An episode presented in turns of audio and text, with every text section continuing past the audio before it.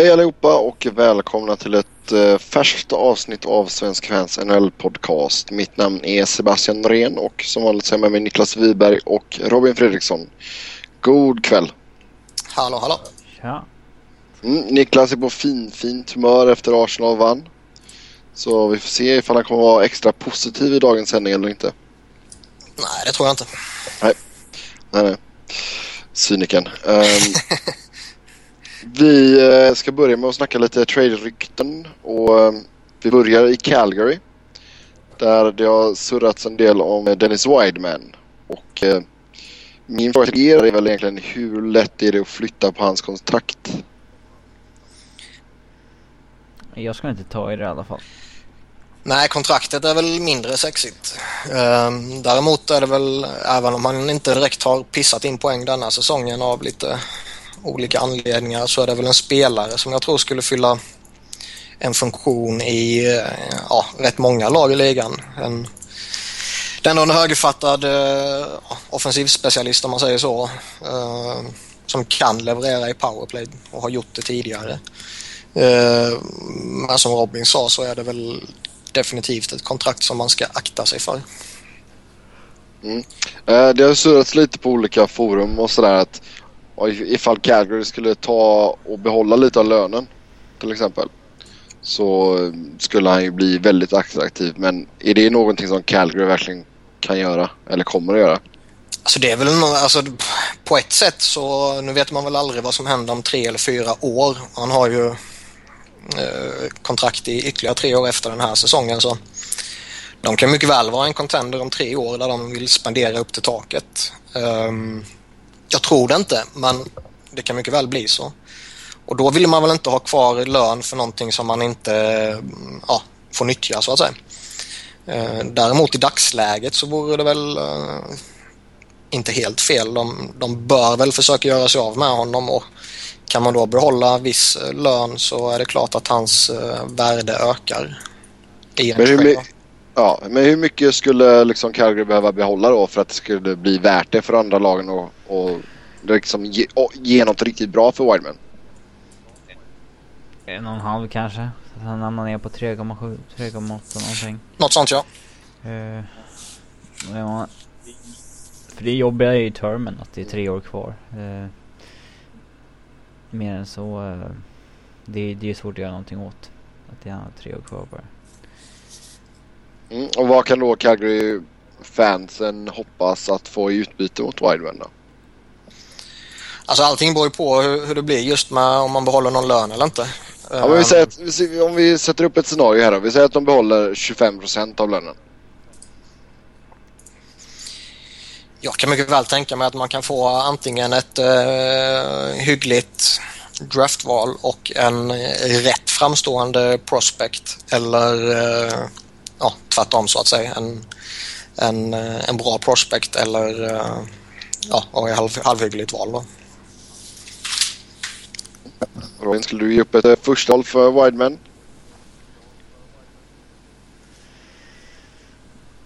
Ja, det var lite på vilket lag jag var och vilket, hur extremt behov ja, om du, är Colo om du är Colorado. Jag är ingen, det är ingen favoritback. Nej, det är det Första val för honom känns väl, eh, även om man behåller en stor del av lönen, som lite, eh, ja, sådär. Sen eh, visst är det 29 eller 30 eller 27 valet totalt så är det väl mer hanterbar förlust än ett lag som ja, krigar kring strecket och behöver den här lilla pushen. Då, då kanske man inte vill offra vad som kan bli eh, ett eh, fjortonde val eller något sånt där kanske. Vilka andra spelare ser vi i Calgary då? Det verkar som att eh, mer eller mindre alla förutom eh, Giordano är tillgängliga. Jag tror väl en sån som Mike Camilleri som vi har pratat om lite tidigare kan vara rätt eh, attraktiv. Eh, också under förutsättning att man behåller lite lön. Men det sträcker sig bara över denna säsongen så det är ju det är man nog rätt öppna för i Calgary skulle jag tro. Jag skulle vara det i alla fall. Um, annars har de inte jättemycket sexigt. De har, visst de har en sån som TG Galliardi som alltid kan hitta på någonting men frågan är om man vill göra sig av med hemmapojken efter att man fått honom precis liksom. Matt Stajan, Lee Stapniak. Ja, det är ju förmodligen spelare som inte kommer resigna där i alla fall så att Mm. det, det är väl troligt att de skeppas ut. Bättre att samla på sig lite draftval då. Ja, så är det väl. Just en sån som Matt Stage. Han är väl, uh, han är väl inte direkt jättehet längre men utgående av kontrakt så känns det ändå som att något lag kan vara villigt att ta honom för uh, ja, ett överkomligt pris. Mm. Om vi går vidare till... uh... vi kan hoppa över till Dallas kan vi göra. Man har ju en del veteraner och de brukas ju tradas ganska flitigt vid trade deadline. Så om jag säger Ray Whitney, Vernon Fiddler och Eric Cole. Var kan dessa herrar hamna någonstans? Och vad kan man få i utbyte egentligen? Så länge de är med i slutspelsjakten tror jag inte att de börjar sälja av. Men eh, den där, efter sex raka torsk så börjar ju den här platsen ta, ja, gå längre och längre bort så att säga. Mm. Men eh, Vernon Fiddler är väl en, eh, alltså jag vet inte, de har försökt sälja honom länge men jag- av någon anledning så blir det aldrig av så de måste ju sitta och begära mycket, mycket mer än vad han, det är rimligt för en spelare från en tredje, fjärde line med lite eh, år på nacken. Um, på sin höjd ett eh, tredjedelsval eller någonting skulle jag vilja säga. Um, Eric Cole skulle jag inte ta i med tång just nu. Framförallt inte med tanke på att han har ett år kvar på det där kontraktet. Uh, sen eh, Ray Whitney. Mm. Det är bara säsongen ut så att han eh, han eh, skulle ju väl få en nytändning av en trade kan jag tänka mig men han har ju också tappat lite senaste åren. Man börjar märka att han börjar komma upp i, komma upp i åren. Frå- Frågan är ju om en sån som Whitney verkligen kan bidra med någonting i eh, topp 6 i ett topplag. Ja, Alltså om han överhuvudtaget skulle platsa och om han, eh, om man nu väljer att spela honom där ändå så att säga, om han då skulle eh, ja, eh, hänga med helt enkelt. För det, tittar man på just honom så var det en spelare som tidigare har varit väldigt framträdande när man ser hans lag spela. Men nu är det ju, visst nu drar väl sådana som eh, Jamie Benn och Tyler Seguin blickarna åt sig men Ray Whitney känns ju inte jättehet direkt. passé. Ja, den är snubben 41 bast så jag menar det, det är ju kanske inte jätteförvånande heller. Nej. Även om man har en rätt gynnsam spelstil på det sättet. Ja, eh, vidare till New York Islanders som sägs vilja ha en först, ett första eller en top prospect för Andrew McDonald och är, är det verkligen Ehm, um, den är svår för att han är ju ändå en spelare som äter otroligt många minuter i ett första backpar och sådana backar finns det inte överallt direkt. Och han är en av väldigt få heta backar till free marknaden i sommar så att Tradar man till sig honom nu och signar honom så har man ju lyckats väldigt bra. Men eh, det är fortfarande en spelare som kommer bredda pengar också så att Nej, jag vet fan om jag skulle våga slänga ut någonting för att trada till med hans rättigheter året ut bara. Ja men alltså helt ärligt också har han verkligen bevisat att, att han ska ha så mycket pengar som han, han kommer antagligen begära en hel del. Ja, han har ju klarat av den uppgiften väl så att Alltså spela ett första backpar så att Det är inte många backar som spelar 25-26 minuter per match. Jag skulle väl personligen inte vilja ha honom i eh, mitt första par. Eh, om man snackar att man har eh, topp, topp ambitioner. Mm. Men givetvis är det en gedigen eh, back på, på de flesta sätten. Eh, det, det som eventuellt talar om man säger emot honom det är att han faktiskt eh, aldrig har lyckats lira en hel säsong. Det har alltid varit något jävelskap någonstans. Och då räknar jag inte förra säsongen, 48 matcher bara. Nej. Ehm, utan det, där ska det väl också bli eh, intressant um, om man faktiskt har såna här ja, man kan ju dra kopplingen till Martin Buron för några år sedan när han eh, krävde superpengar. Uh, ingen ville ha honom, alla signade alla spelare i övrigt istället och sen stod han utan lag. Uh, frågan är om det kan bli ett liknande scenario här. Att han kräver lite för mycket och lite för långt uh, egentligen för att lag kanske ska vara intresserade av att plocka honom istället för att titta på andra alternativ. Alltså det är ju... rykten om vad han, vad han kräver? Det har spekulerats lite kring fem. Men om, om det är, eh, om man säger rykten med eh, någon form av substans eller om det bara är eh, spekulationer och funderingar, det är jag mer osäker på. Fem känns ju väldigt uh, saftigt. Det känns jättesaftigt men sen samtidigt så känns det också som att det är liksom... Kolla vad Jason Garrison fick. Ja. En, en jättebra säsong i Florida. Jag tänkte säga det, det känns liksom som den rådande standarden numera för en, en gedigen back. Samtidigt tycker jag inte att han har, alltså visst gedigen men det är ju inte så att han pissar in poäng liksom. Nej men du behöver inte vara en bra back för att... Uh... Eller du behöver inte pissa in poäng för att vara bra back rättare sagt. Nej, nej absolut inte men... Han är on, en, on pace för en 40 poäng säsong. Det är inte mm. många backar som gör. Man blir väl lite blind också om man tittar på, på produktion, om, om man tittar på uh eh, vad de stora backarna gör. En sån som Duncan Keith är ju på väg framåt eh, 70 poäng liksom. Och det är ändå en hel del backar som redan har gjort eh, så många poäng som väldigt många backar gör över en hel säsong. Alltså om vi snackar över 30 poäng. Mm, ja, vi får se, vi får se. Men som sagt, jag tycker absolut inte att han är värd något första rundsval. Alltså på vilket lag man är. Väntas man drafta 25-30 någonting så kan det ju vara värt det om man lyckas få honom signad på en hyfsad deal också. Men han är, han är, det känns ju också som att han är en av väldigt få duktiga backar ja. som är extremt vänlig att trada till sig och, och också trada bort då i, i dagsläget med tanke på att han har en capita på 550 000. Eh, i ett NHL där eh, hälften av lagen är uppe på taket. Eller till och med över.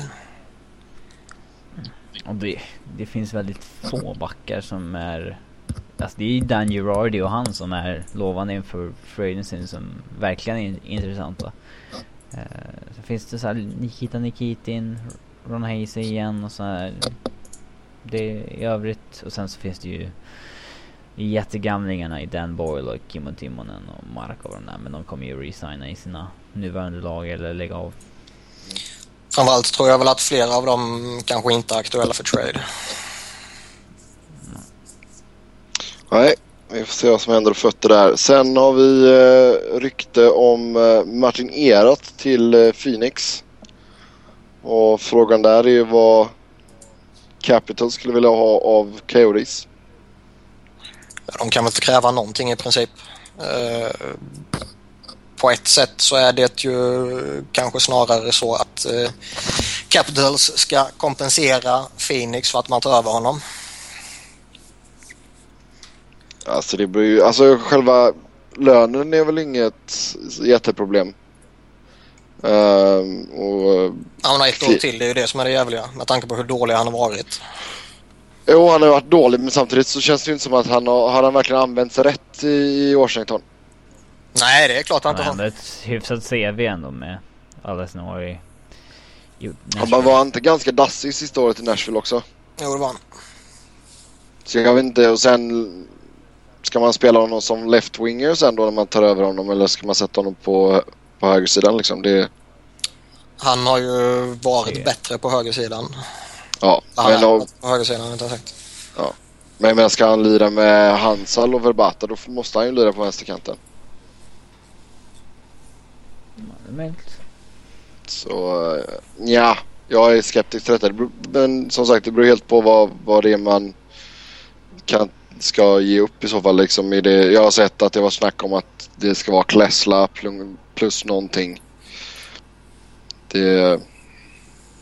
Ja, Kessler var ju någon de hade på waivers nyss. Mm. Ja, ge upp honom när man, när man var redo att förlora honom för ingenting. Det Ja. känns ju inte direkt som någon, någon kostnad och uppenbarligen vill man ju inte ha honom heller eftersom man satte honom på waivers. Uh, visst, det blir en liten ökad lönekostnad att, eller lönekostnad att ta in erat och framförallt är det ju nästa år som nästa års eh, lön som blir eh, problematisk. Eh, samtidigt så kommer ju taket vara lite bättre nästa år. Ja, men capiten ligger väl på 4,5 men jag tror lönen är på typ 2,25 eller någonting bara. Ja, det är inte alls omöjligt. Det, Så det är alltså... Jag vet inte. Jag tycker man ska gå stenhårt på Matt Molson istället. Om man är Phoenix. han kommer bli dyr. Han kommer nog bli riktigt dyr.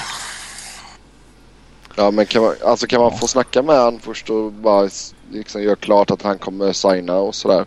Så uh, bettar vi upp lite grejer för att få in Molson som har track Har Phoenix de musklerna Och sen, sen är det också lite så, vill en sån som att Molson verkligen uh, binda upp sig redan nu på att signa för ett uh, hyggligt lag?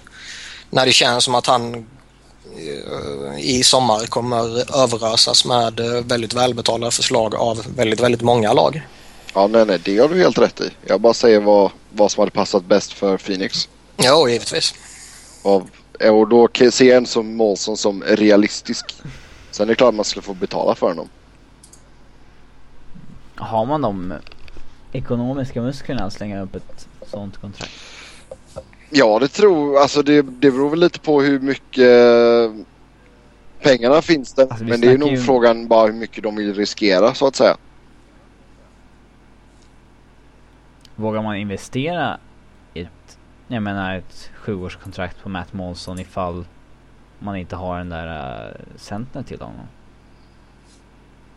Ja, grejen är att man skulle ju egentligen ha den centern i Ribeiro men han har ju inte visat sig vara den.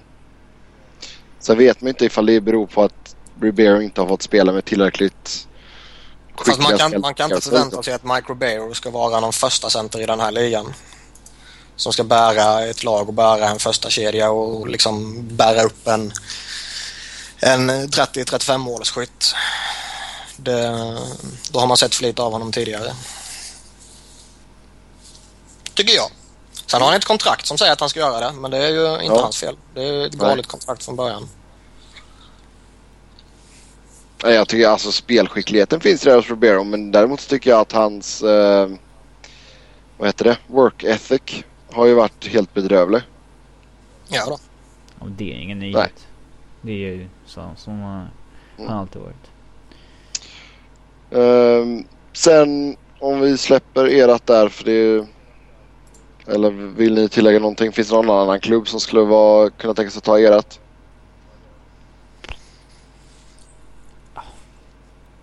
Mm. Någonstans känns det väl alltid som sådana här lag som eh, Florida och Islanders mycket väl kan... Uh, Calgary kanske kan vara intresserade där. Um, det går ju vissa rykten om att Florida ska ha fått okej att spendera upp till taket. Uh, så då, de kan ju vara ett lag som är intresserade av att chansa på en sån som erat. Uh, eh, Islanders eh, känns det väl som att de alltid på något sätt är ja, jagar den här eh, partnern till eh, Tavares kedja. Där de har snurrat rätt bra med Brad Boys och PA Parent och lite sånt där. Det går rätt bra nu med Okpoz och Ja Vanek. då, man säger att eh, den ena försvinner. Vanek Nej, precis. Ja, vi kan ju lugnt konstatera att Capitals gjorde en riktigt dålig affär där i alla fall.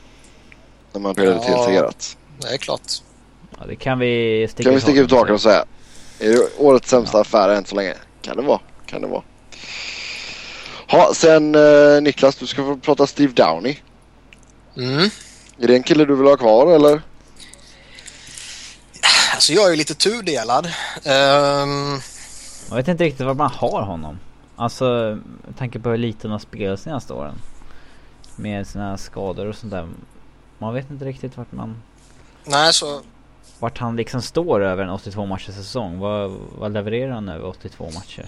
Så är det Det- verkligen. Han har, han har- han har varit väldigt ojämn hos oss också. Ehm, han fick ju en hjärnskakning nästan direkt så det är ju inte konstigt att inledningen var lite, lite jobbig. Men sen så när han kom in och spelade med Couturier och Matt Reed så var ju den tredje kedjan fantastiskt bra.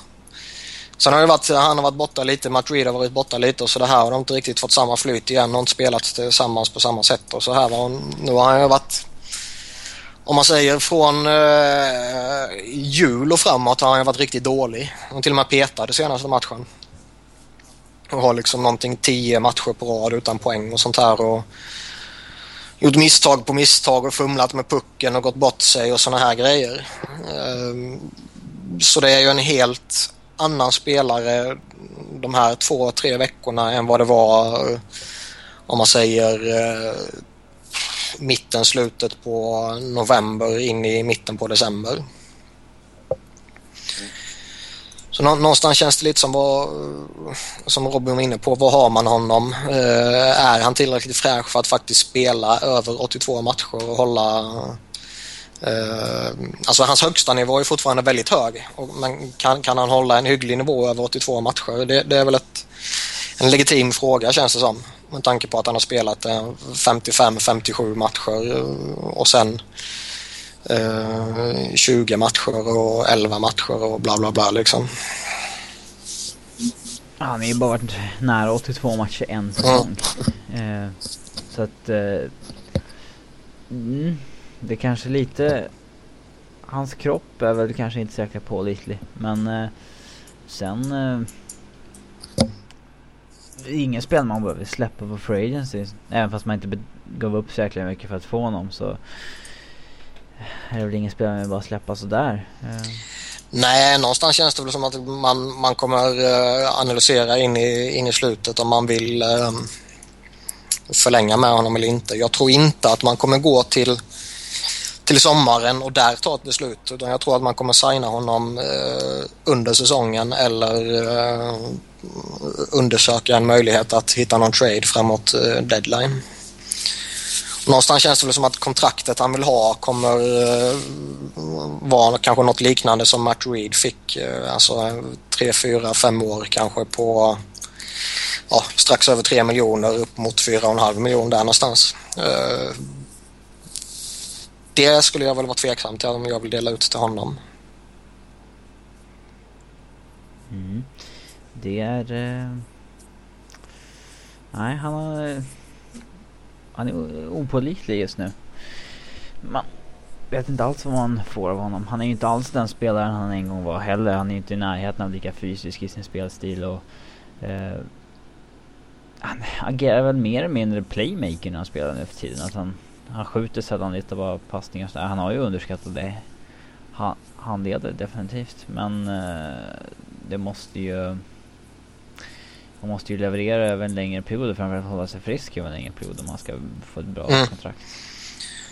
Yes. Nå någonstans tror jag väl också att man eh, ja, egentligen bör man kanske fundera på om man vill lägga upp ytterligare ett sånt här eh, kontrakt i den prisklassen med tanke på att man har en del sådana.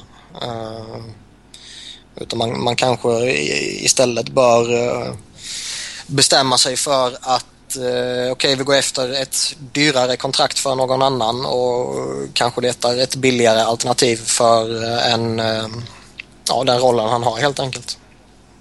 Mm. Yes, sen eh, ska vi avsluta ryktessvepet med eh, Toronto och eh, vad kan man göra i Toronto? Är det dags att byta tränare kanske? Candy Carlisle. Ja. Såg att han hade vunnit fem av senaste 31 nu någonting under ordinarie tid. Det är väl mediokert. Menar du? Uh, ja, men, eh, ja. Det, fan. De känns som man nyss kom dit också liksom. Bara, var ja, men Peter Laviolette letar ju definitivt jobb men det är väl inte kanske inte raka motsatsen till Randy Carlisle om du vill få in något nytt i laget. Det är ju annars en, en intressant diskussion som jag tror vi har varit inne på någon gång tidigare också. Att vill man skaka om helt och hållet när man byter ut en tränare och tar helt motsatt eh, filosofi typ? Eller vill man hitta en, eh, en liknande för att försöka bygga vidare på det som, som ändå på pappret är eh, hyggligt?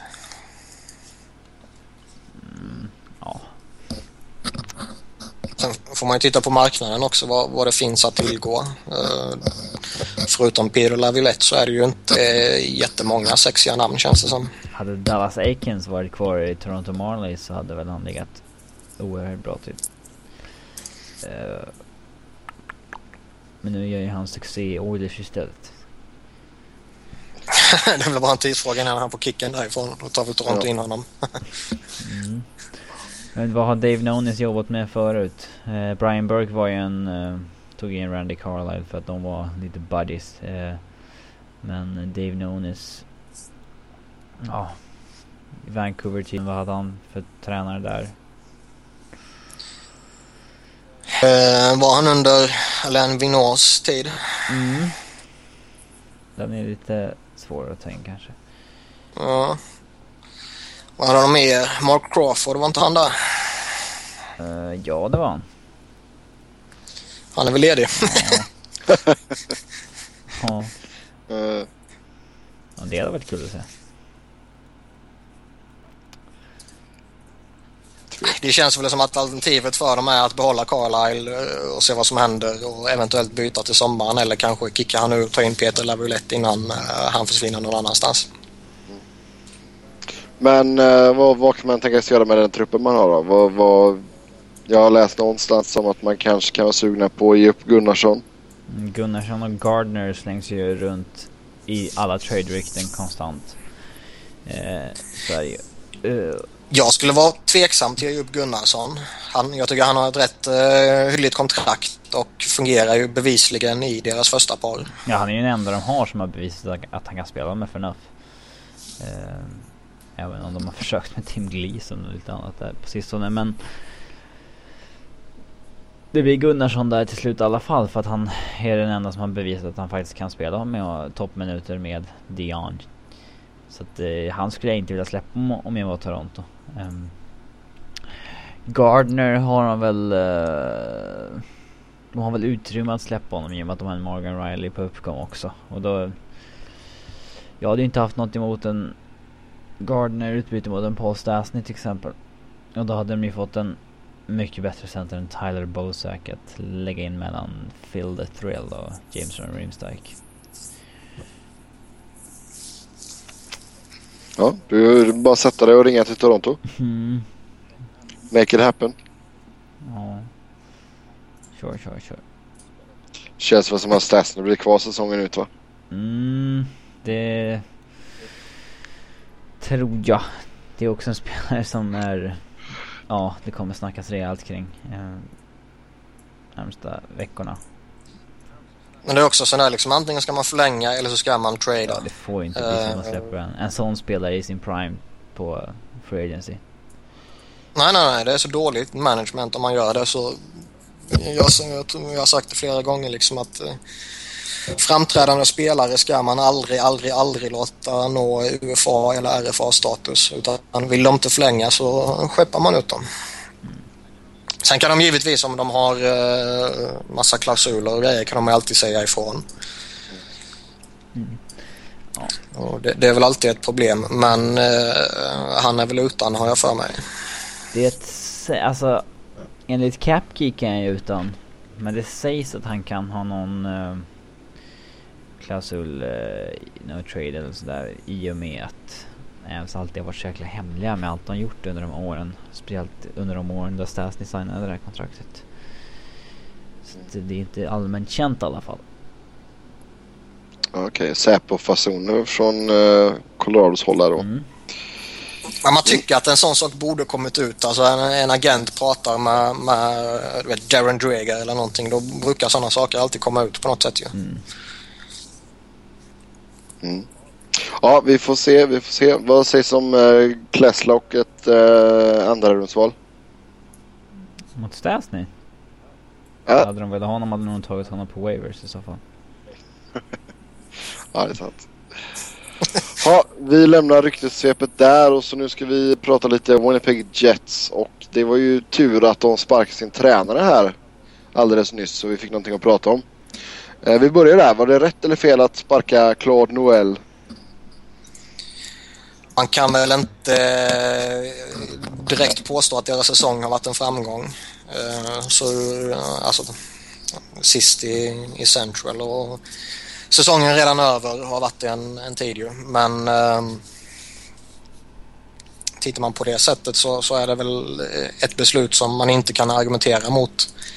Sen vet jag att det pratas rätt mycket om att deras eh, talang är för stor för att ligga där de ligger och, och, och allt det här. Men, men jag vet väl inte riktigt om jag kan hålla med om, om det argumentet. Jag tycker de har eh, rätt mediokert lag egentligen. De har några sådana här pusselbitar som Evander Kane och Andrew Ladd som är eh, lite av en personlig favorit.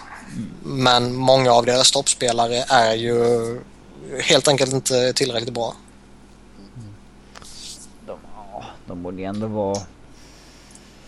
Sen kan jag tycka att, liksom att de, visst, de borde kanske vara med i, i racet på ett annat sätt. Det är svårt när man har Andrei Pavel som första målvakt. Ja, det ska gudarna veta. Men man, Ja, sen alltså, alltså grejen är också det att man har ju precis bytt konkurrens och liksom det... Det hade varit lättare ifall de hade fått vara kvar. Det är fega undanflykter. Nej då. Eastern är ju så kast detta året så det är... Ja, givetvis, men bara måla upp det som att när vi bytte konferens därför blir det tufft som fan. Det, det, det tycker jag är fegt. Uh, jag tycker kort och gott att deras lagbygge är för dåligt. Alltså titta på uh, en sån som Dustin Bufuglian, han gör ju alltid sina poäng och, och, och eh, det är väl något man kan räkna med. Men eh, alla vet var hans eh, svagheter finns och att man till och med väljer att flytta upp honom som, som forward och jag vet inte om man hoppas på någon ehm, eh, Brent Burns effekt.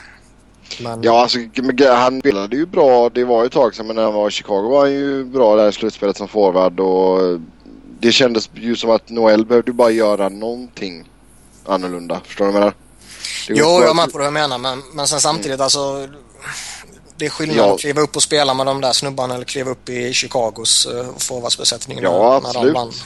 Absolut, det håller jag helt med om. Men alltså, han var ju bara tvungen att göra någonting för att försöka få det här laget att sluta sjunka som en sten. För vad har man nu? Sex, fem raka förluster va? Ja. Men sen alltså tit- titta på liksom en sån som Zach Bogosian som visst han är fortfarande ung och allt sånt här och han kommer bli mycket bättre men, men eh, han har gjort sex poäng denna säsongen och fick ju ett, ett hyfsat välbetalt kontrakt också och Tobias Enström är ju inte i närheten av att vara den backen han en gång var tycker jag. Eh, Har betalt för att vara. Mm, precis. Och någonstans, alltså... Fan, när du har Brian Little och du har Blake Wheeler och Andrew Ladd och Olli Jokinen som... eh, Och Emma eh, Kane då, givetvis som kanske dina viktigaste forwards då... Vad fan förväntar man sig då? Ja, men det, är- det är ju självskrivet. Har man Olli Jokinen som en av sina ledande offensiva spelare då går det åt helvete. Sen har han i och för sig varit helt okej, det ska tilläggas. Men, men som sagt, man ska inte ha någon som, som honom som en ledande spelare. Sen ska man säga att de har ju... Vi har ju elitspelare på uppgång som Mark Scheifele och... Ja, jag tänkte säga det. De har några spännande där. Jacob Truba är ju... Truba har varit jäkligt. Jag gillar honom. Ja, ja. Tru- Trubas framgång är ju den som... Är det som öppnar för att Bufflin kanske kan flytta upp som forward. Eh. Eller, eller tradas. Jag tror fortfarande man kan få ett hyggligt uh, utbyte för honom. Ja, För Bufflin ja. Ja, Buff. som sagt, eh, visst han har sina uh, hyfsat påtagliga eh, svagheter. Ehm, men Ja, det är en det- eh, poänggaranti. Det är det, men det här året har han varit ganska bedrövlig defensivt. Ja. Han har kanske varit sämre än vanligt. Ja. Och det säger rätt mycket. Ehm, Samtidigt var han bättre poängproduktionen på länge också. Trots att det har gått ganska dåligt. kanske hänga ihop prioriteringar och allt sånt här. Vad man satsar på, vad man lägger vikt på och vad, hur man väljer att spela. Ja men det känns ju ändå så om man tittar alltså, överlag. Alltså, de flesta är ju, är ju egentligen bra ålder. Det är ju egentligen, vad är Jokinen är väl äldst tror jag. Han är väl rätt gammal nu va? Ja, 35. Ja. Men sen efter det på forwardsidan så är det ju... Nej, det är klart man har ju en core som om man tittar åldersmässigt och, och allt sånt där är väldigt intressant. Eh, sen har man väl eh, inte det här eh, ledande spelaren som man kan använda sin core att bygga runt. Utan släng in en första center av klass i det där laget så har du helt plötsligt en forwardsbesättning som skulle vara väldigt intressant att jobba med. Alltså... John Tavares skulle ju göra mer med Jets än vad han kan göra med Islanders. Ja, det är klart. Blake, We alltså Blake Wheeler, Andrew Ladd och Brian Little har ju ändå visat sig kunna göra poäng på den här nivån och sen... Jag tyckte de gjorde en bra move i somras när de tog in Michael Frolik för ett, ett, ett Ja, vad var det? Fjärderumsval eller någonting. Han är en av NHLs bättre bottom six forwards. Ni gör ju lite poäng också. Så. Och sen har man ju Evander Kane också. Men frågan är alltså, det är Evander Kane tillräckligt bra för att vara en fixstjärna? Inte på egen hand, men eh, med en riktig center tror jag definitivt han skulle kunna vara det. Trade down till Kings istället. Nej, det vet fan. Ja, de har inte råd att lägga med pengar på forwardsuppsättningen. Mm. Nej. Utan jag, jag tror alltså, li, lite på samma sätt som, som jag och, och, många andra givetvis brukar resonera kring Claude Giroux att man behöver en, en riktig toppspelare jämte honom för att maximera hans potential och effekt och allt sånt här så tror jag samma grej med Evander Kane. En, en väldigt framträdande spelare på egen hand och, och så här men ska man ta det där sista lilla steget över den sista utvecklingskurvan så så är inte den här omgivningen tillräckligt bra. Varken jämte honom eller bakom honom. Nej. Sen, eh, vi nämnde lite snabbt här då. Eh, Andrei Pavelec. Det är ju inte en första målvakt alltså. Nej, han var ju på gång för några år sedan där när han, innan han fick det där kontraktet. Um, sen dess har han slagit av på takten rejält. Och uh, ja, det var ett kontrakt de ångrar eh, vid det här tillfället. Alltså samtidigt, visst, han, han har inte varit tillräckligt uh, bra. Det, det, tror jag alla kan skriva under på. Men vad har han framför sig? Alltså, han har inte sämre försvar framför sig än vad Varlamov har i Colorado till exempel. Okej, okay, fair enough. Men eh, sen samtidigt, jag, jag, vet inte om det är rättvist att slänga ut en, eh, en målvakt som måste rädda Tobias Enström och Big Baff och de andra snubbarna i, i Jets eh, försvar. Ja, oavsett tycker jag, jag menar vad har han? Goal against på typ 3, vad var det, jag kollade det förut, 3,11 tror jag. Goal against säger mer om laget än om målvakten. Ja, och sen Men... räddningsprocenten ligger på strax under 90 tror jag. Om jag var Winnipeg skulle jag i alla fall undersöka möjligheterna med... Alltså det finns ju fler målvakter än vad det finns... Eh, eller det finns fler potentiella första målvakter än vad det finns eh, eh, lag just... ja, i den här tidseran på NHL så att... Ja, försöka signa en Andersén från Anaheim eller någon sån där någon som inte har bevisat tillräckligt för att vara svindyr ännu. Eh, det finns ju ett par stycken sådana. Eh, eh, Brand Scruvens kanske som var bra i Kings nu. Test, mm. Testa, ringa runt lite och kolla läget. Eh. Ja, för jag menar, det är, ju, det är ju inte bra när din bästa målvakt just nu är Al Montoya. Nej. Då, då bör ju varnings, varningsklockorna ringa. Men samtidigt alltså var visst fine då ifall man typ ringer till Kings och snackar om Scrivens och sådär. Men alltså vad ska man, vad ska du ge i utbyte? Ah, det är väl andra rundsval och någon roster player eller uh, en halvhygglig prospect. Alltså Scrivens är ju inte någon som... Uh, uh, alltså han har ju varit bra tio matcher. Ja. Jo, jag säger inte att han kommer vara dyr så sett men det vill Kings verkligen... De kanske känner att det är bättre att vi behåller honom. Samtidigt så tror jag inte att de känner att de kan behålla Martin Jones i farmalaget så länge som helst. Det är inte efter det han visade upp i NHL. Nej. Nej, vi får se. Det blir bortskämda med målvakterna där. Ja. Samma sak i Anaheim. Är Gib- Ja. Gibson är uppe nu men han fick inte spela tyvärr när de var här på besök. Mm. Med tanke på hur Anaheim dominerade den matchen så hade han ju... De hade kunnat ställa en eh, sopkvast i mål.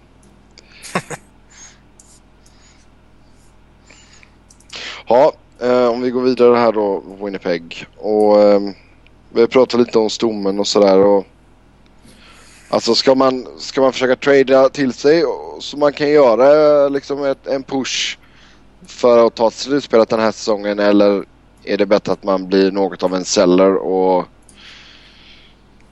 tankar lite och får ett högt draftval och så går man vidare från, från, från den tidpunkten. Ja, jag skulle tanka.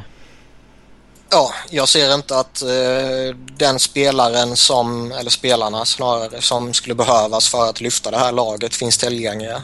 Eh, skulle det varit tillgängligt så skulle det dessutom varit ett sånt pris som gör att man skulle få utarma laget för att få dem och då skulle väl effekten utebli ändå känns det som. För det är som att säga, det behövs en första center som kan gå in och leda den där offensiven och det behövs en, eh, ja, en målvakt. Ja, en första center och en första målvakt är eh, tungt att ta in vid deadline. Framförallt som Winnipeg. Mm. Man vet att de, de, eh, visst de har bra stämning och allt sånt här men det är bara att titta på kontrakten de har och som de har delat ut. De behöver överbetala för att få sina spelare. Både att få dem att komma dit men också för att få dem att stanna kvar.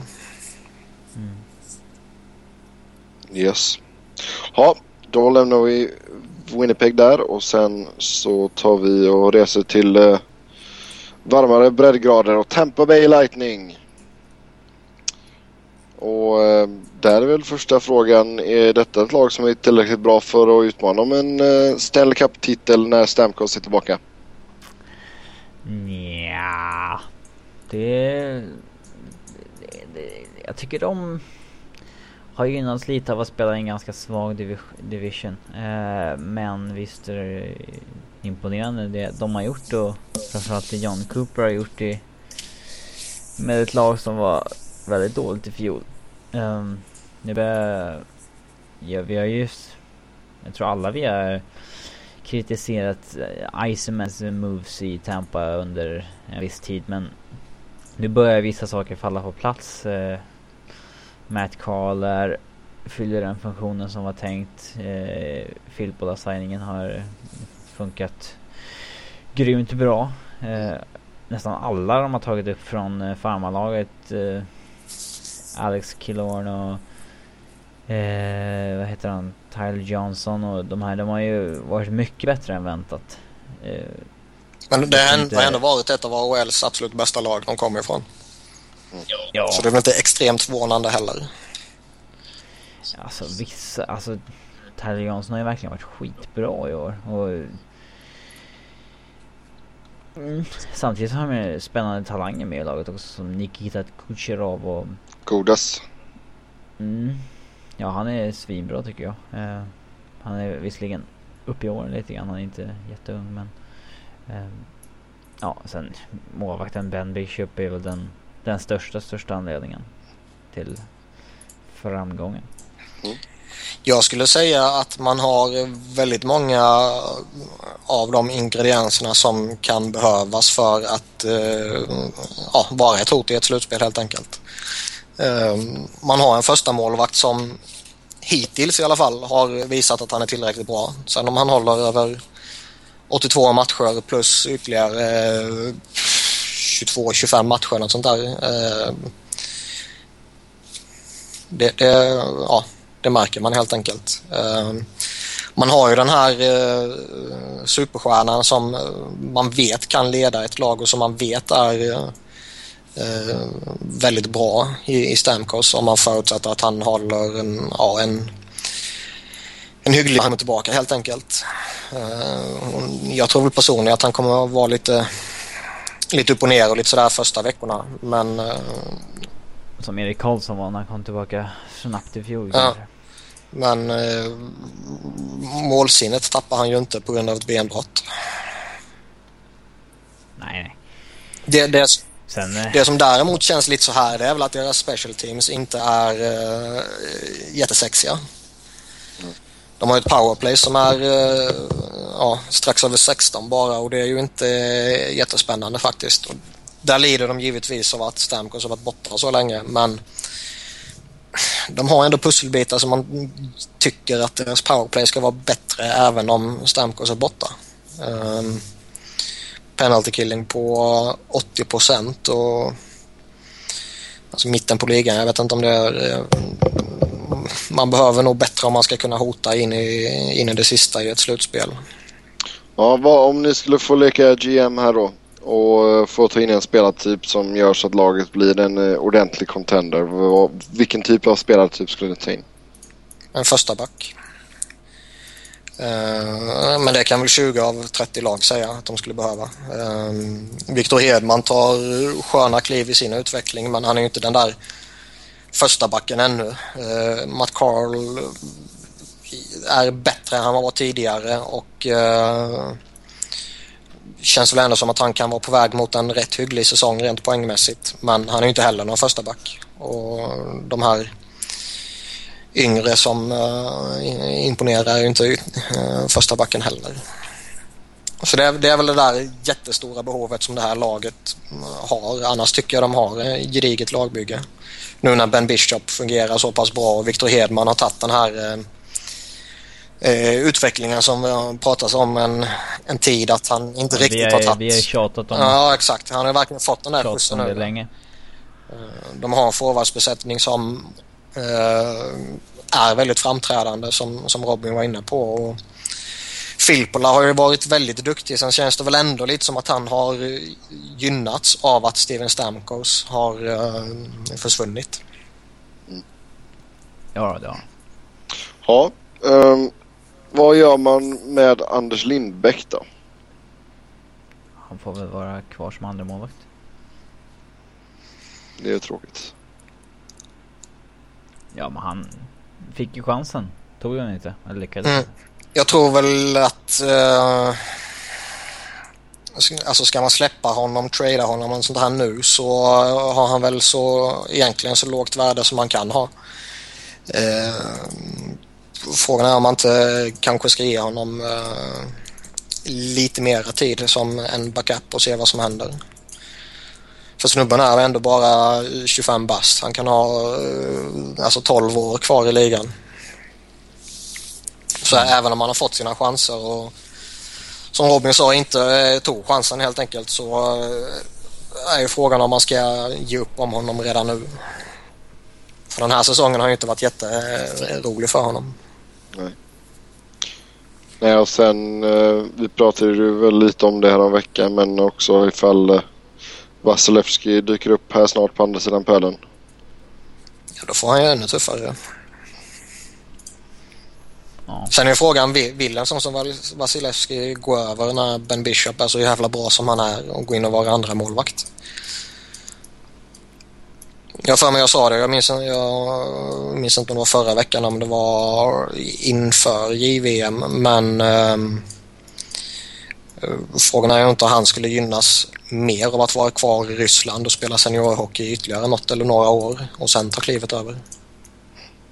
Mm, ja, vi får se. Ja, då lämnar vi Tampa där och så är det dags att ge ut lite pokaler. Det är dags för Halftime Awards. Och eh, vi, ska, vi har valt ett par olika kategorier här bara. Vi, vi kör inte allihopa.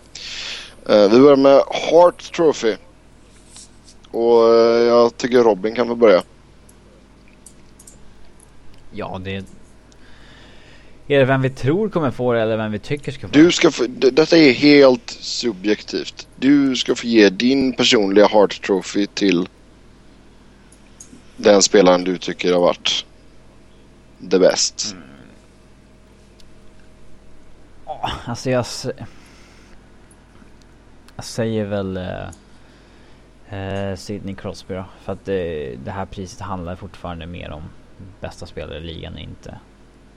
Inte vem som är mest värdefull för sitt lag. Mm. Så att... Eh, sen är ju han rätt värdefull för sitt lag ändå, det måste man ju säga. Mm, hyfsat.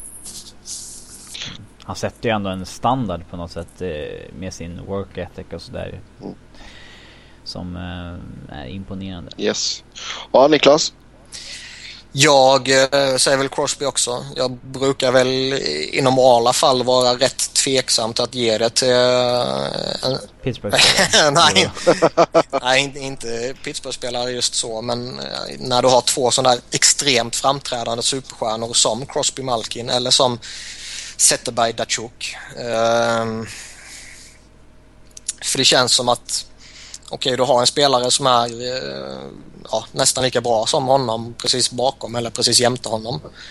Ehm, då är det svårt att avgöra hur, hur, hur viktig han är egentligen tycker jag. Ehm, men den här säsongen med tanke på vilka problem de har haft och som, som Rob var inne på, hans, hans inställning, hans attityd, hans, eh, hela hans föredöme och allt sånt här så, så tycker jag att han ehm, Dels han både bäst men jag tycker också att han eh, med tanke på hur det har varit i Penguins den här säsongen också är eh, mest värdefull. Sen tycker jag väl också att man eh, bör slå ett slag även för Ryan Getzlaff och Ben Bishop. Yes. Ja, jag håller med er två där så det blir hattrick på Crosby. Det, Men om, men om om Tavares lyckas bära det här Islanders. till ett slutspel. Så, eh, ja, Ja, för det är ju inte... Det är ju inte omöjligt för dem att nå en wildcard spot ifall de Jo, fortsätter så här som de har gjort. Så... eh, Så... Men det är ett stort om fortfarande. Deras chanser är ju väldigt låga. yes. där jag tror de är helt körda. Sen ska vi inte glömma Patrick Kane heller som har varit otroligt bra. Och där är det mera... Alltså... Som vi nämnde med Crosby förut att där tycker jag att det är så jäkla många. Det är liksom... Sharp är ju minst lika bra och Taves är ju hur bra som helst och Hossa är hur bra som helst. Det, det, Keith.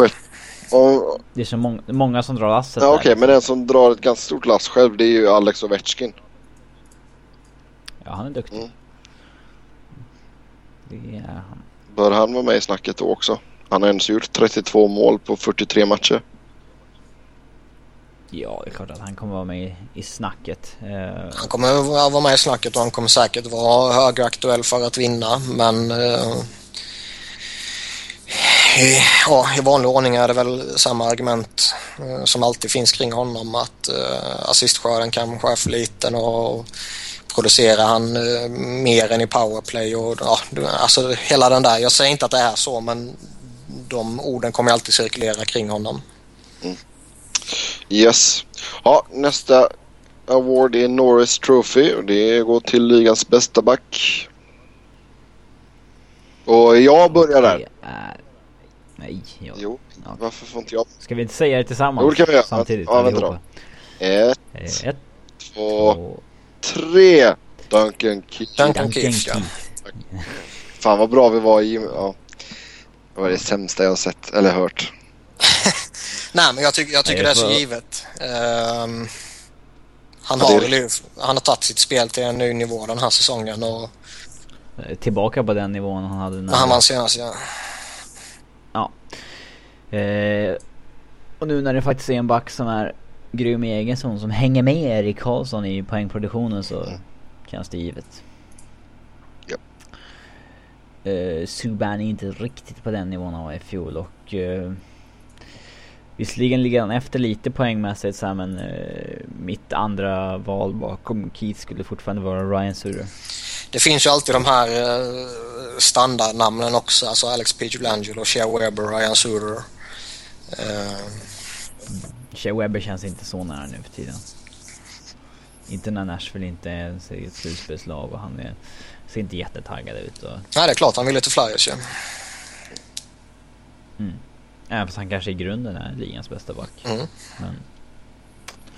Men jag tycker det är, Men, det är ju duktigt av Chicago att ha så pass... Jag menar du har Duncan Keith på 44 poäng och sen har du Brent Seabrook på 32 poäng. Ja, de är ett skapligt lagbygge. Och sen samtidigt Blues är jag nästan ännu mer imponerade med Jabo, Shattenkirk och Pietro Langelo på topp 12. Peter Angelo. Eh, och någonstans känns det som att det är betydligt enklare att göra väldigt många poäng i Chicago som back än vad det är i Blues. Även om och det var inget negativt mot... Eh, Fast imponerande lagbygge i Chicago. Alltså att eh, kunna ha ett rick, alltså ett genuint första backpar i kombination med den målvakts- eller forwardsbesättningen, det är fan stört. få förunnat. Mm. Ja, samtidigt tycker jag St. Louis lag, alltså lagbygge, alltså laget St. Louis tycker jag är jäkligt intressant också. Ja, och sen ska vi väl eh, avvakta och se hur om Chicago klarar av att ha det där efter att Patrick Kane och Taves får sina nya. Om de ska ha sådana här 10 miljoner. Ja. Ja, vi får se vad som händer. Sen eh, Vesna Trophy, ligans bästa målis. Och eh, får jag börja den här gången då? Ja, Säger jag faktiskt Ben Bishop. Mm. Det skulle jag nog säga också. Jag instämmer. Uh, Tokaraski och Sharding är väl de som i mitt tycke utmanar honom. Ja, jag tycker även Carey Price bör nämnas. Jag tycker det är må- många duktiga målvakter i år faktiskt. Ja, det har det varit. varit många mål- målvaktstabbar också i och för sig. Ryan Miller Ja, ligger, fast det- har ju varit svinbra också med tanke på att han spelade så jävla dåligt lag och ända sen nästan Ja. 93% i. Han ser väl hoppet nu, eh, kontraktet utgående, att kunna sticka ifrån skeppet. Ja, nu spelar han ju för sitt nästa kontrakt. Yes. Ja, alla var överens om Bishop. Ja, Då går vi på årets rookie i uh, Calder Trophy. Och eh, här känns det ju som att det oftast blir den som eh, gör flest poäng. Så Nathan McKinnon bör ju ligga bra till. Mm, en back skulle ju aldrig vinna till exempel. Det visade Jonas Brodin i fjol att det inte går. Så att, Nej, nej, jag hade ju inte haft någonting emot ifall det gick till Torrey Krug. det, för min del står det väl mellan de två. Uh, McKinnon Crew då. Ehm, men det känns väl lite som att Krug, eh, även om han har gjort väldigt bra produktion hittills, så han är väl uppe på ett tvåsiffrigt mål tror jag. Så kanske han måste snäppa upp produktionen lite, lite till om han ska kunna hota en, eh, ja, en favorit som McKinnon. Det är liksom det Jag tror att hade-. Hade Hertel inte gått och blivit skadad så hade ju Hertel varit min, favorit tror jag. ja, om han hade fortsatt i samma takt, det tror jag inte men... eh, Ja, men han är fyra poäng efter McKinnon och McKinnon har tio fler spelare matcher. Mm, Men mer eller mindre alla poäng som Hertel gjorde kom ju första, hans 15, för, 15 första matcher också. Han var inte alls, alltså, han, Nej, nej, ja, han droppade av, det gjorde han absolut. det, det som händer Det andra jag av säsongen brukar ju vara det som spelar in mest. Eh, Sen, man kommer gör, ihåg- sen, sen har ju McKinnon gjort typ hälften av sina mål i powerplay också. ja, men det behöver ju inte vara något dåligt. Jag försöker bara ge det lite skit här nu. Jag försöker leka Niklas vet du. Mm. Det, det går sådär. Nej men eh, det som talar för McKinnon är väl att skadorna i Avalanche har väl eh, gett honom en eh, större roll än vad han, han kanske hade i början på säsongen. Nu spelar han ju topp 6 med ja, antingen Duchene eller med Landeskog och Stasny. Eh, när säsongen inleddes så var han ju en tredje center i en skyddad roll och det var ju den rollen Nugent, Nugent Hopkins hade i Edmonton som gjorde att han inte vann över Landeskog som hade en jätteviktig roll i, i sitt lag. Eh, Mm. Så det talar väl lite för honom. Eh, sen Chris Kreider har ju varit jättebra men jag tycker inte att han... Eh, han känns ju fortfarande inte som en rookie liksom så att det är kanske svårt Nej. för folk att rösta på honom. Och Tyler Johnson är för lite för osexigt namn och eh, en 23-åring kommer inte få lika samma consideration som en 18-åring som gör lika mycket poäng. Så vad sägs om en, en 19-årig back som är plus 23 och loggar ungefär 20 minuter istid? Ett av ligans bättre lag. för få poäng för att det ska vara anmärkningsvärt för den breda massan. Le, Men jag- måste- också. Om man ska... Ja. Eh, För er som inte har listat ut så är det Lamp- Hampus Lindholm jag pratar om. Eh, riktigt imponerad av honom faktiskt. Ja, han har varit grym. Det kan man inte förneka. Men man ska Ja. gå till... Alltså det finns en del backar som verkligen skulle kunna snagga upp det där egentligen med Tory Krug, Radko Gudas, Jacob Truba. Om han fortsätter i den här takten så kommer han ju ha en bra andra halva på säsongen.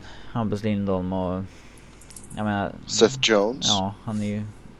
Bara på grund av sitt namn så kommer han alltid vara med i diskussionen. I, i och med att... eh, ja. Han är den han är. Sen måste han ju leverera lite bättre kanske andra halvan av säsongen. Det är sant. Ja, då ska vi få... eh, Då lämnar vi de eh, officiella... Sa vi vem vi tyckte skulle ha det? Eller Ja, vi sa McKinnon va? sa vi? Ja. Men då säger jag Krug bara för att vara annorlunda. Mm. Men jag, jag ser hellre att det går till Krug. Men samtidigt hade jag fått ge ut idag så hade jag gett det till McKinnon. Då ska vi eh, ta ut våra överraskningar slash våra besvikelser och vi börjar med största överraskning lag. Och där kan Niklas få börja. Jag tycker det är tufft som fan att välja mellan Colorado och Tampa Bay. Eh, Colorado har gjort något eh, grymt starkt givetvis. Eh, visst, man börjar få lite skadeproblem här mot, mot slutet nu men Tuffar ändå på Jag tycker lite. Tuffar ändå på i över 500 hockeynivå. Ja, ja. Men, men någonstans tycker jag ändå att det som Tampa har gjort eh, till stor del utan Steven Stamkos är eh, lite, lite bättre. Eh, men svårt som fan att särskilja dem åt. Eh, Colorado är ju i en eh, lite tuffare division känns det som. Framförallt lite fler tuffa lag. Medan Tampa Bay har det rätt gynnsamt både i Atlantic och i Eastern. Alltså varje gång jag tittar på Colorados backbesättning så förstår jag inte hur det är möjligt att man är så här. Ja, i närheten av den positionen man är på. Det är sjukt egentligen. Men det var ändå en skön liten situation i, eller skön är väl fel ord, men intressant diskussion i, eller situation i, i Tampa när man köper ut eh, liksom Le Cavalier och allt sånt här och sen blir Steven Stamkos skadad och Man skickar liksom, Durant till, tillbaka till juniors. Ja, liksom allmän sån här kaos och hela skiten. Eh, Ändå har man lyckats hålla det samman och ja, som vi sa tidigare så har man ju varit eh, helt okej. Men jag, jag, har, jag har svårt som fan att välja mellan dem. Ja, men du säger Tampa. Ja. Jag instämmer där. Jag trodde att när Stamkos gick sönder så jag var helt bombsäker att man bara skulle sjunka. Men eh, håller jämna steg med Boston. Man är ju bara två, två poäng bakom. Eh, Robin, säger du ditt Colorado eller? Ja, i och med, alltså, ja det tror jag. De har, en, de har tre poäng mer än Tampa trots tuffare motstånd och mycket sämre backbesättning. Så att eh, det är ändå överraskande. Speciellt med tanke på att de har haft, de har inte haft någon Stamkos-skada men de har ändå haft sk- skador på forwardsbesättningen som har gjort att deras bottom six har sett bedrövlig ut rent ut sagt. Eh, så att, eh, men de fortsätter ändå ta sina poäng. Yes. Ja, då går vi över till eh, våra besvikelser när det kommer till lagen här och, och eh, det, ja, om jag tar och börjar så är det svårt att komma bort från Edmonton alltså i min mening. Det är visst, det är inte någon jättesexig backuppsättning och målvaktsspelet och sådär men med den uh, upphypade forwardsuppsättningen man har så känns det inte som att man bara borde ha 35 inspelade pinnar på 48 matcher och en uh, hyfsat taskig målskillnad. Man, 43 minus. Jag tycker man ligger eh, exakt där, man, eh, där jag hade förväntat dem, mig att ligga dem. Visst, sen, sen kan man väl alltid föra eh, Eh, ett snack kring att de kanske borde eh, ha någon liknande skörd som eh, Islanders, Winnipeg, eh, kanske lite, lite bättre än Calgary och allt det här. Men det är en total jävla förlorarorganisation som är eh, i ledningen mer eller mindre helt inkompetent. Ehm, så alltså att, att de är värdelösa, man kan inte förvänta sig något annat. I, i alla Det fall ändå- inte jag. Det andra laget som jag hade lite och valde mellan så här, det var Nashville. Så det är inte en överraskning som att- med att alltså, det är ju Ja, men det- för det- liksom. Exakt, det var det jag tänkte också liksom. Men Jag tänkte, hade man haft Pekka där så hade man inte varit så här. Vi kan säga att. Dave, David Poyle kastade ju bort säsongen han inte ersatt honom direkt. Så är det verkligen. Men eh, li, lite som Sebbe säger, jag, jag har svårt att peka ut någon tydlig besvikelse. Um, någonstans hade, inte för att jag hade några jätteförhoppningar på ett sånt lag som Islanders, men Kändes det Alltså- som att de hade tagit steget i fjol till att kanske vara ett slutspelslag? ja, i alla fall vara med i racet längre. För jag, jag tror de är ute ur racet nu, även om wildcard-platserna. Eh, de kom, alltså den, den formen de visat här mot sistone är ju ljuger lite tror jag. Eh, jag. Jag tror säsongen är mer eller mindre körd. Och det är väl en missräkning. Sen samtidigt så, alltså samma med Edmonton, Islanders är Islanders. Så liksom, eh, jag kan inte säga jag är jätteförvånad heller. Man är inte Ja. jätteförvånad över Toronto heller. De trodde de här skulle gå, gå dåligt. Snarare var man förvånad över att de gick bra i början på säsongen. Ja, alltså det finns... Dallas är tufft att säga också. Å ena sidan så är lagbygget lite sådär och kanske är de precis det man väntat sig men Sex matcher sen så låg de ju bra till. ja, alltså det, det, det känns lite så. Eh, Men det är, ju- det är ju, detta är ju en sån losing streak som kan kosta dem. ja, ja, verkligen.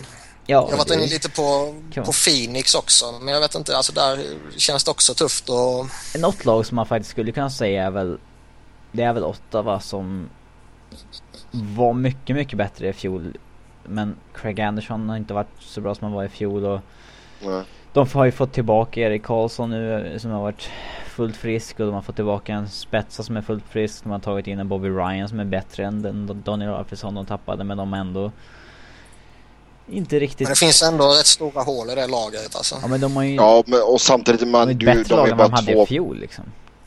de, två pinnar bakom en wildcard spot liksom. Mm. Alltså det är svårt i och med att i, hela Eastern Conference för, förutom typ Pittsburgh och till viss del Boston har ju varit ganska mediokra liksom. Mhm. Men alltså Buffalo måste vi ändå så nämna. De har 31 poäng. På 44 matcher. Ja, De har gjort, de har gjort, ju- 70, ja, men de har gjort 77 mål. Ja men vem Ja, men ska ti- göra titta målen då? på deras lag. De har ju typ två spelare som är bra. Det är ju alltså, det är ju ingen överraskning för fem öre i alla fall. Nej nej men 77 mål. Ja men de har inga göra mål. Det, jag tycker synd om Jonas Eneroth. Tycker inte lika synd om Ryan Miller. Ja, eh, ge mig några miljoner dollar sen kan jag också spela i ligans sämsta lag och vara nöjd. Nej men det, alltså vi visste att de skulle vara dåliga men alltså så här dåliga. Nej, 33 poäng är givetvis anmärkningsvärt. Eller 31. 31. 31, förlåt. 77 mål på 40, eller 77, ja 77 mål på 44 matcher. Mm. Det är alltså under två mål per match. Ja, sen har de ändå en eh, antal insläppta mål som är eh, väldigt bra om man ser på övriga ligan. Ja fast i och med att man inte gör några mål så är fortfarande målskillnaden sämst i ligan. Jo, givetvis, men, men eh, som Robin säger, de har ju fan inga spelare liksom. Alltså någonstans- kolla deras topp 6 just nu. De, I deras topp 6 så är ju Visst, Molson kan göra mål men hans första center bredvid sig är Tyler Ennis. Sen den tredje länken är ju Semi, det är ju Jürgensen som är ju en talang men han har inte bevisat någonting. Och andra kedjan består ju av eh, wingers som är Steve Ott och Matt Diagostini som de nyss plockade upp på waivers. Det, är- det är inte så mycket för Cody Hodgson att fida. Eh, Nej. Eh, Leino gör ju, kan inte göra något mål. Vem, Men han gör ingen glad. Nej, just Stafford slutade, slutade också göra mål för en massa år sedan. Det... Det ska bli intressant att se hur få mål de gör om de tradar bort Matt Molson också snart. Det kan bli kul. Ja. Ja, vi lämnar största besvikelse lag där för alla var klara va? Ja. Då tar vi största överraskning spelare. Och eh, ja, Niklas du får börja. Eh, ben Bishop. Eh, han är väl den eh, största, största, största kandidaten för mig. Men skulle även vilja lyfta eh, Tyler Seguin, Victor Hedman och Josh Harding.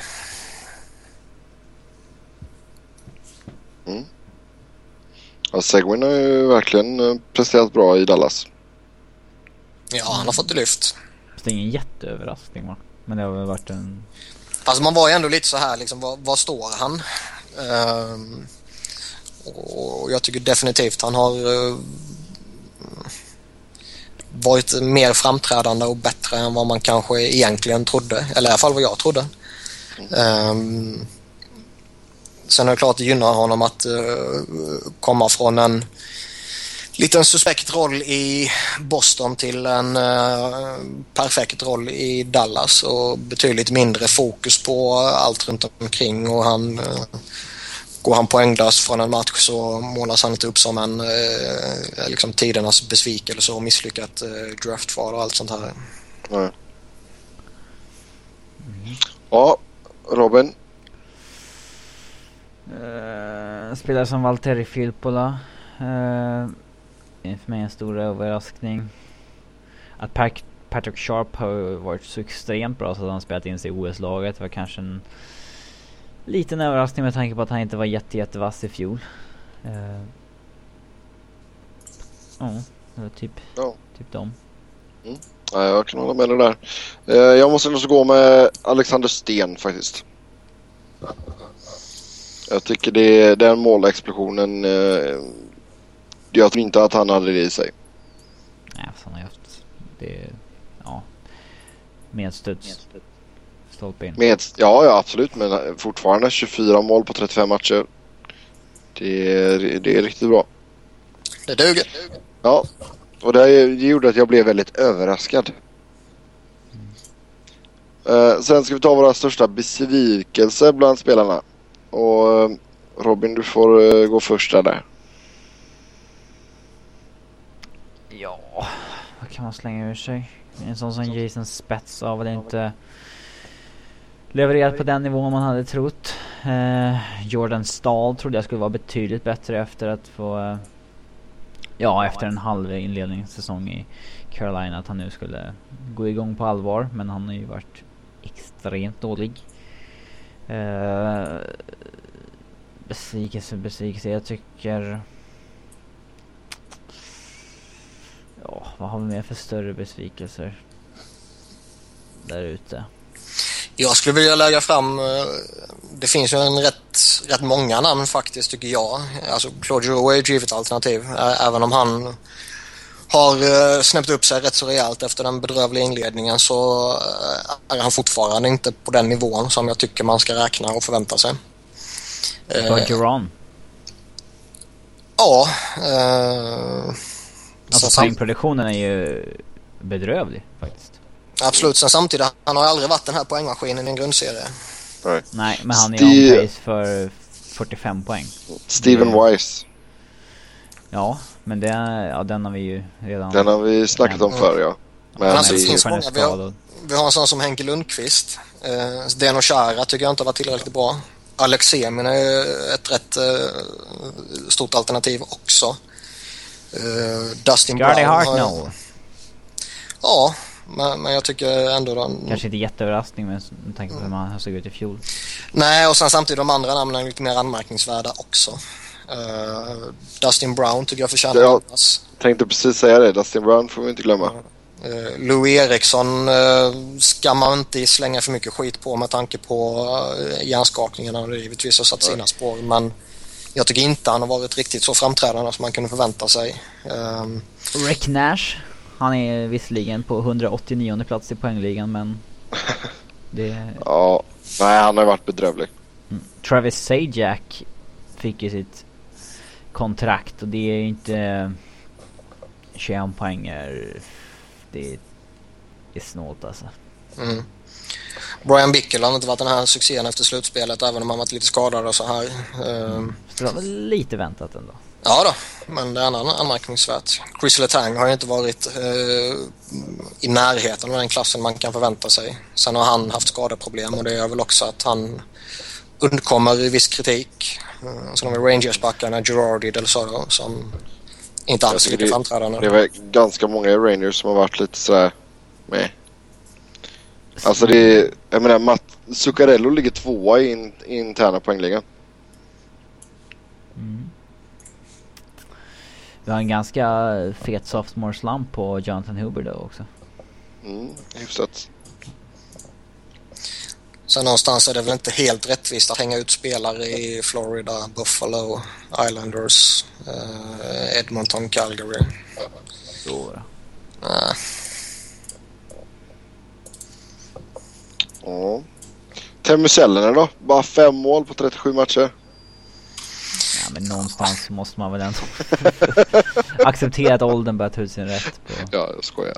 Jag tycker snarare man ska eh, liksom ja, se vad som händer i ett slutspel innan man uh, dömer ut honom. Uh, kan han göra den här kraftansamlingen över uh, en lite kortare period än en hel grundserie så tycker jag han får med beröm godkänt för den här säsongen. Ja, herregud. Med han tanke på att han är 52 år liksom.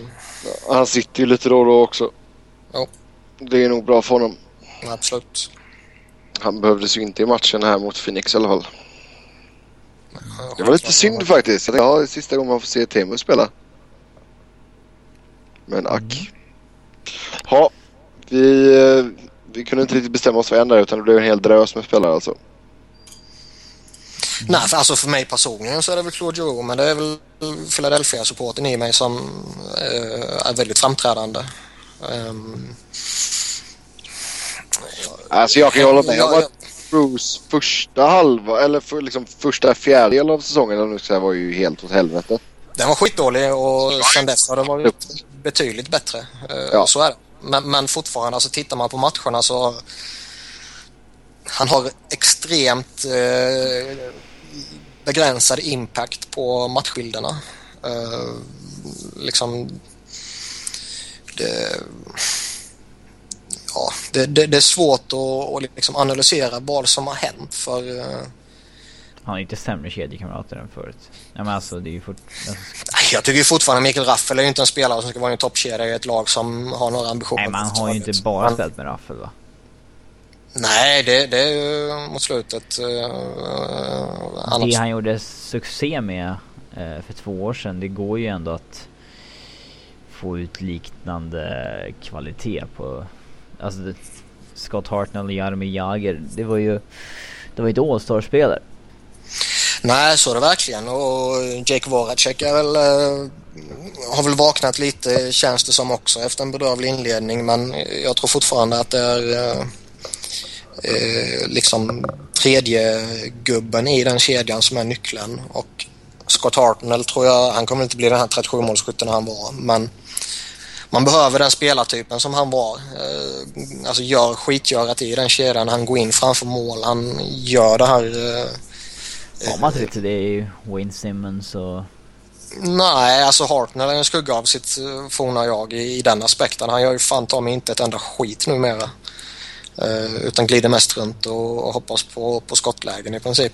Eh, Wayne Simmons har varit extremt mycket upp och ner den här säsongen och eh, är betydligt mer effektiv på, på högersidan där, där Voracek också är som allra bäst. Och där är väl en avvägning vem av de två man vill ha med, med Joe helt enkelt. Ja. Om jag fick säga om man måste säga något namn så säger jag väl Jordan Stahl och Patrice Bergeron i alla fall. Det är väl... Det är väl... Två namn som inte har levt upp till... Eh, vad de ska vara. Mm. Patrice Bergeron signade ju dessutom ett nytt eh, sjuårskontrakt, eller åttaårskontrakt som kickar in nästa säsong. På 6,5 miljoner i capita. Yes då duger det inte att producera cirka 40-45 poäng som första center. Nej, det håller jag med om. Då är vi klara för den här veckan. Som vanligt så går det bra att köpa hockey med oss via Twitter. Mig hittar ni på @sebnoren, Niklas på Niklas Wiberg, Niklas med C och enkel-V och eh, Robin på R underscore Fredriksson. Sen har ni inte kollat in OS-podden än så gör det. Vi eh, snackar laguttagningar. Så har ni inte lyssnat på det så gå in på svenskfans.com eller ladda ner via iTunes. Tills nästa vecka, ha det gött. Hej! Hej.